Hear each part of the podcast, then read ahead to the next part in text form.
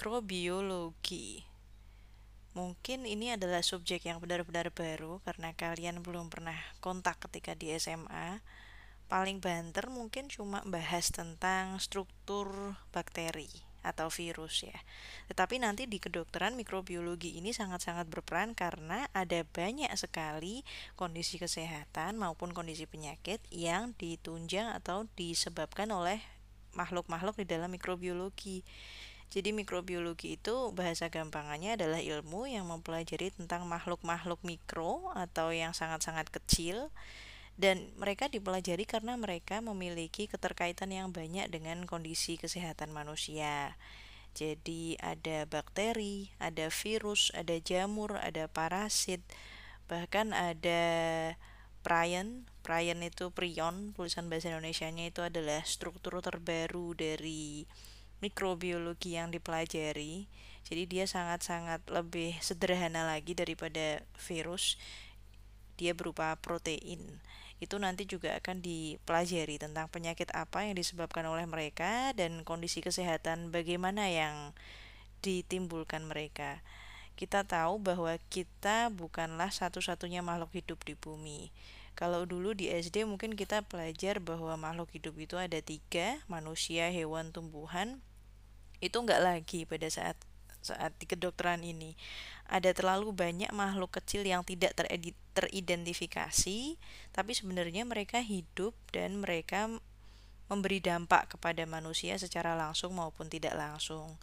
Jadi mikrobiologi ini ditemukan ketika ada ilmuwan di Belanda yang namanya Anton van Leeuwenhoek itu dia tahun 1674 dia menemukan mikroskop yang bisa menggambarkan atau mengidentifikasi sedemikian kecil objek bakteri pada apusan atau swab pada daerah gigi dan lidah. Kemudian dia jadi menyebutnya adalah animalcules. Animalcules itu dia mirip animals tapi dia sangat-sangat kecil. Jadi hanya bisa dilihat dengan lensa pembesar.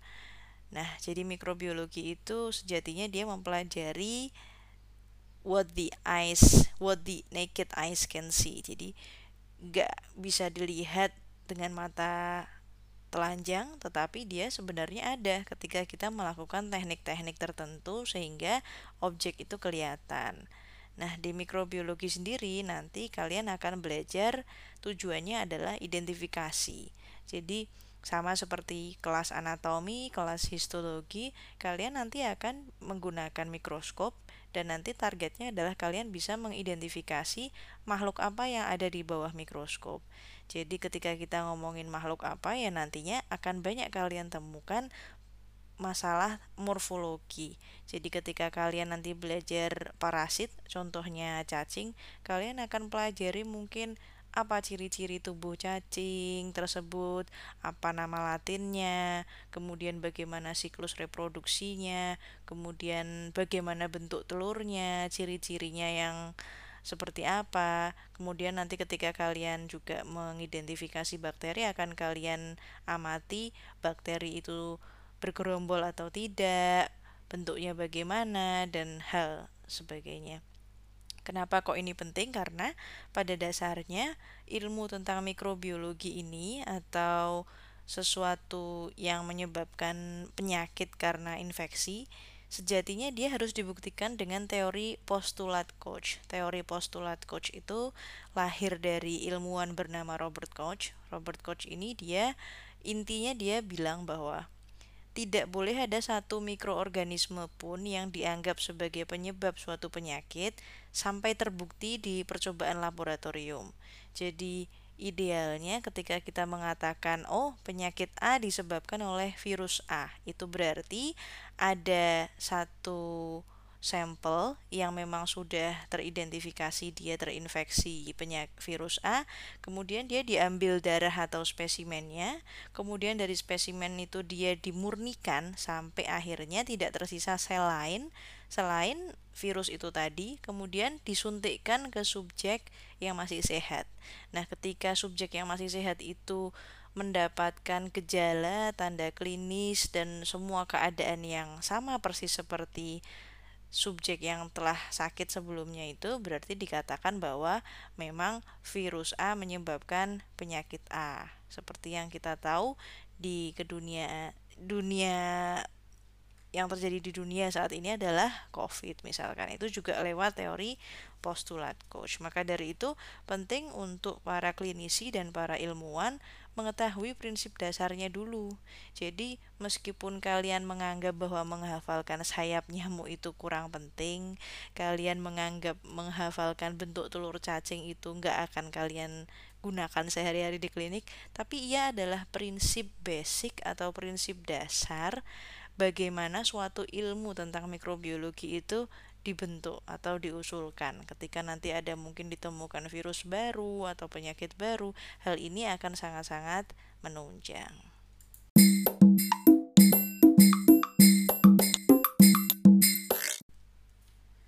Mempelajari tentang mikrobiologi berarti kita mau ngebahas makhluk yang tercakup di dalamnya biasanya dia disebut sebagai makhluk mikroorganisme. Jadi mikroorganisme itu adalah organisme yang ukurannya sangat mikro, tetapi nanti ada klasifikasi lagi berdasarkan kelas-kelasnya. Jadi ada yang paling besar itu parasit. Parasit itu mungkin masih bisa dilihat dengan mata telanjang, seperti contohnya adalah cacing, kemudian ada tungau, itu dia masih bisa dilihat dengan mata atau kutu. Kemudian yang berikutnya adalah jamur. Jamur ini dia mulai nggak bisa dilihat dengan mata kecuali benar-benar masif persebarannya sampai menimbulkan uh, bercak.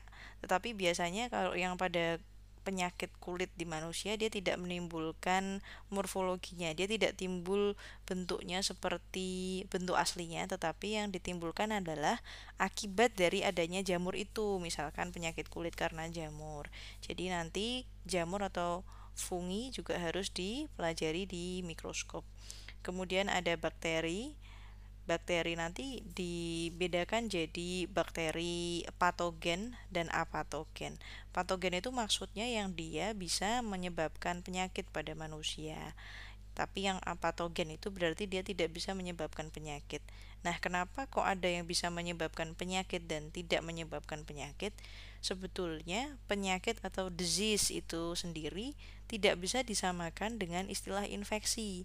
Jadi ketika kita membaca tentang istilah infeksi, sebetulnya itu merujuk pada keadaan di mana tubuh seseorang itu sudah diinvasi atau dimasuki oleh bakteri atau kuman yang berpotensi membuat penyakit, tetapi belum muncul penyakitnya.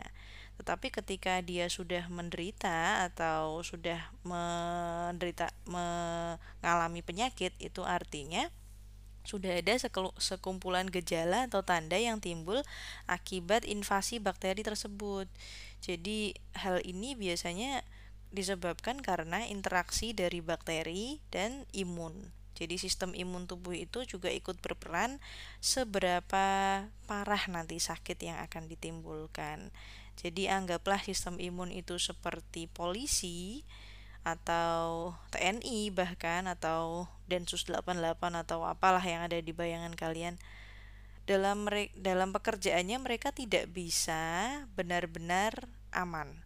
Dalam artian tidak ada collateral damage yang ditimbulkan. Jadi misalkan ada suatu sel yang rusak, sel itu harus di diperlakukan sedemikian rupa sehingga nanti kerusakannya tidak berdampak luas pada sel-sel yang masih sehat. Nah, di sinilah peran imun itu tampak atau tampil. Jadi nanti dia mungkin akan mengeluarkan beberapa zat, beberapa sitokain, beberapa enzim yang mungkin akan menjadikan gejalanya bertambah berat.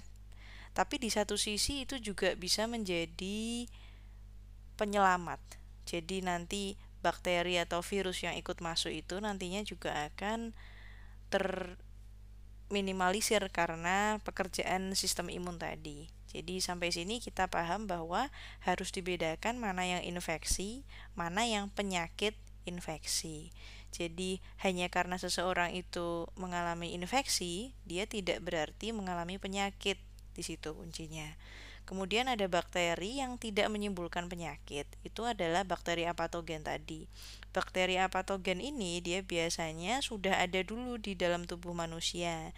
Jadi tubuh manusia itu kalau di disuruh benar-benar steril juga dia nggak akan pernah mungkin karena yang membuat kita bisa sehat, yang membuat kita bisa berfungsi normal itu juga merupakan sumbangsih besar dari bakteri yang ada di dalam tubuh kita. Jadi kalau kalian pernah dengar istilah bakteri baik, itu adalah bakteri yang apatogen ini. Jadi hubungan mereka dengan kita itu bukan hubungan yang merugikan, tapi justru mutualistik, simbiosis mutualistik. Jadi mereka itu di dalam tubuh kita mendapat tempat tinggal, mendapat nutrisi yang cukup, kemudian juga mendapat perlindungan dari serangan-serangan mikroorganisme lainnya. Tetapi di sisi lain mereka juga memberikan feedback yang baik untuk tubuh kita.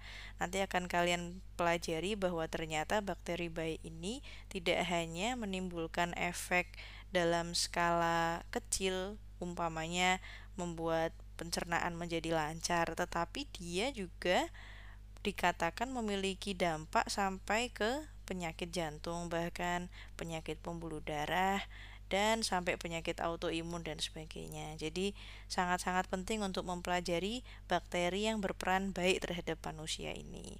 Kemudian setelah kalian belajar bakteri, yang lebih kecil lagi dari bakteri ada virus.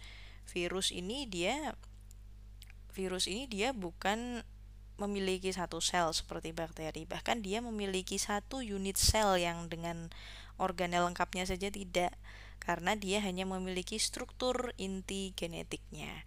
Kita tahu bahwa kalau di satu unit sel atau contohnya di bakteri itu ada beberapa komponen lain dan untuk menuju ke materi genetiknya itu harus melewati nukleusnya dulu. Bahkan ketika di manusia nukleus itu masih ada kromosom, di dalam kromosom baru ada untayan DNA atau RNA yang tersimpan. Nah, si virus ini dia cuma punya DNA atau RNA aja. Jadi dia nggak punya struktur lain selain itu. Maka dari itu banyak ahli kebingungan untuk mengklasifikasikan dia sebagai makhluk hidup atau tidak. Karena yang dia kerjakan itu selama dalam tanda kutip hidupnya itu tuh ya cuma mereplikasi dan mereplikasi dirinya. Dia membuat kopian dirinya sebanyak mungkin tanpa mengetahui tujuan lainnya apa. Jadi dia tidak melakukan pencernaan, dia tidak melakukan reproduksi seksual, dia tidak melakukan hal-hal yang seperti dilakukan mikroorganisme lainnya. Si virus ini dia dikatakan infeksinya skalanya berbeda dengan bakteri. Kalau bakteri tadi di luar sel atau ukurannya hampir sama dengan sel, kalau virus ini dia jauh lebih kecil. Maka dari itu penggunaan obatnya pun nanti ketika kalian mempelajari ilmunya beda. Antibiotik itu kerjanya beda dengan antivirus dan kalian akan temukan apakah sebetulnya selama ini itu yang disebut sebagai antivirus benar-benar antivirus seperti layaknya antibiotik atau dia hanya jargon karena dia tidak benar-benar sepenuhnya bekerja seperti antibiotik. Nanti akan kalian pelajari dalam ilmu ini. Kemudian yang berikutnya ada prion. Jadi prion itu lebih sederhana lagi. Ahli sangat-sangat kebingungan untuk mengelompokkan prion ini karena kalau virus itu cuma punya satu materi genetik, prion ini cuma satu protein. Jadi lebih sangat-sangat kecil lagi. Dia adalah produk dari DNA atau RNA tadi. Kalau di virus tuh DNA RNA-nya memproduksi protein, kalau prion ini hanya untayan proteinnya saja. Jadi contoh penyakit yang dihasilkan oleh prion ini adalah penyakit sapi gila. Itu yang paling terkenal ya. Di samping ada penyakit-penyakit lainnya. Kemudian itu adalah klasifikasi yang kalian harus pelajari di dalam mikroorganisme mikrobiologi. Nah, nanti yang lebih menarik lagi adalah kalian harus mempelajari sistem imun. Jadi, seberapa besar dampak sistem imun ketika mereka bertemu dengan makhluk-makhluk mikroorganisme tadi yang disebutkan sebelumnya. Nanti akan kalian pelajari ketika ada virus rabies misalkan bagaimana sistem imun manusia itu bekerja ketika dia bertemu virus rabies. Apakah pasti 100% akan sakit rabies atau ada kemungkinan tidak tidak sakit? Seperti mungkin yang paling mudah contohnya adalah kalian digigit oleh nyamuk yang kalian nggak sengaja lihat kakinya ternyata ada belang-belang hitam putihnya. Lalu kalian langsung paranoid mikirnya, wah habis ini saya demam berdarah karena itu adalah nyamuk demam berdarah. Pada kenyataannya sakit berda demam berdarah semua atau tidak?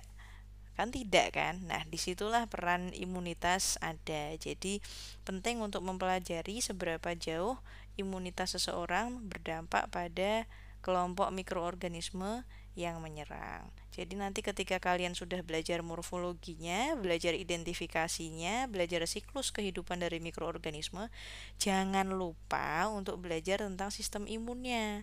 Kalian mungkin harus cari sendiri dari internet kalau nggak ada di buku itu, tapi penting untuk kalian ketahui bagaimana respon suatu sistem imun terhadap sekelompok bakteri atau virus karena bisa berbeda-beda. Mungkin pada bakteri yang ini dia gunakan antibiotik antibody, maaf, mungkin pada bakteri yang lain dia gunakan mekanisme sel limfosit atau imunitas seluler. Kemudian di bakteri lain lagi dia dominan menggunakan makrofag atau natural killer. Itu jadi berbeda-beda. Dari sana para ahli atau para dokter klinisi seharusnya juga bisa memikirkan kesimpulan penata laksanaan yang sesuai dengan penyakit masing-masing organisme.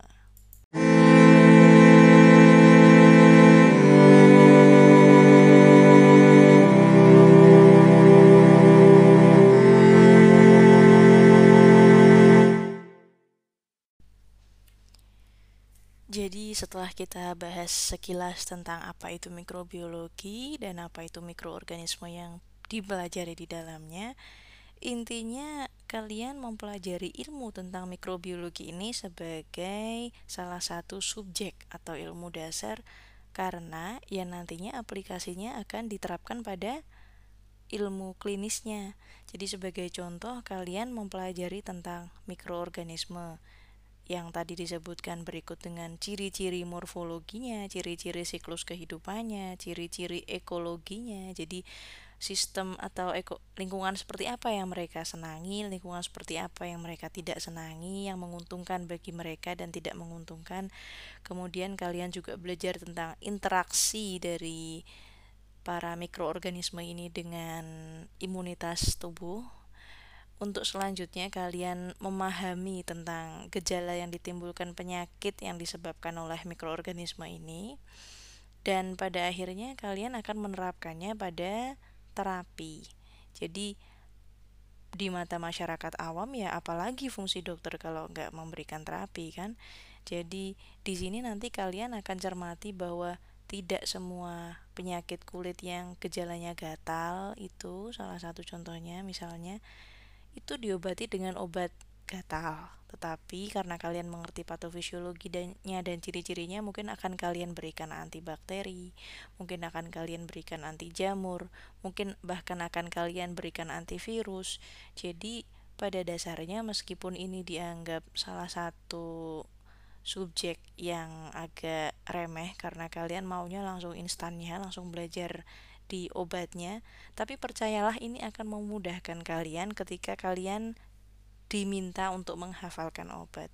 Karena ketika kalian harus menghafalkan obat, kalian mengerti patofisiologi atau mekanisme dasar yang menyebabkan suatu penyakit itu bagaimana, akan langsung terpatri di otak kalian. Oh, kalau penyakit panu umpamanya itu disebabkan oleh jamur, berarti kalian nanti terapinya oleh anti jamur. Kemudian penyakit common cold dia biasa disebabkan oleh virus berarti nanti kalian bisa pertimbangkan obat-obatan yang bisa menunjang imunitas untuk menyerang virus atau misalkan itu pada cacar air berarti kalian berikan antivirus. Kemudian kalau itu ada gejala penyakit yang disebabkan bakteri berarti nantinya akan kalian gunakan antibiotik. Nah, kelas-kelas obat yang barusan disebutkan ini juga memiliki banyak jenisnya. Dari mana kalian harus memilih jenis antibiotik yang ini atau jenis antivirus yang itu? itu juga disesuaikan lagi dengan masing-masing kinerjanya. Jadi nanti kalau di antibiotik itu kalian pelajari ada obat yang menyerang sistem reproduksi dari bakteri. Ada obat antibiotik yang menyerang pada dinding bakteri. Ada obat yang lebih ampuh untuk bakteri gram positif atau bakteri gram negatif. Hal-hal seperti ini bisa kalian pelajari ketika dengan mudah dipelajari dengan mudah ketika kalian sudah hafal atau sudah mengerti konsep mikrobiologi dasarnya. Jadi itu kuncinya agar kalian bisa menerapkannya pada terapi penyakit klinis yang ditemui sehari-hari.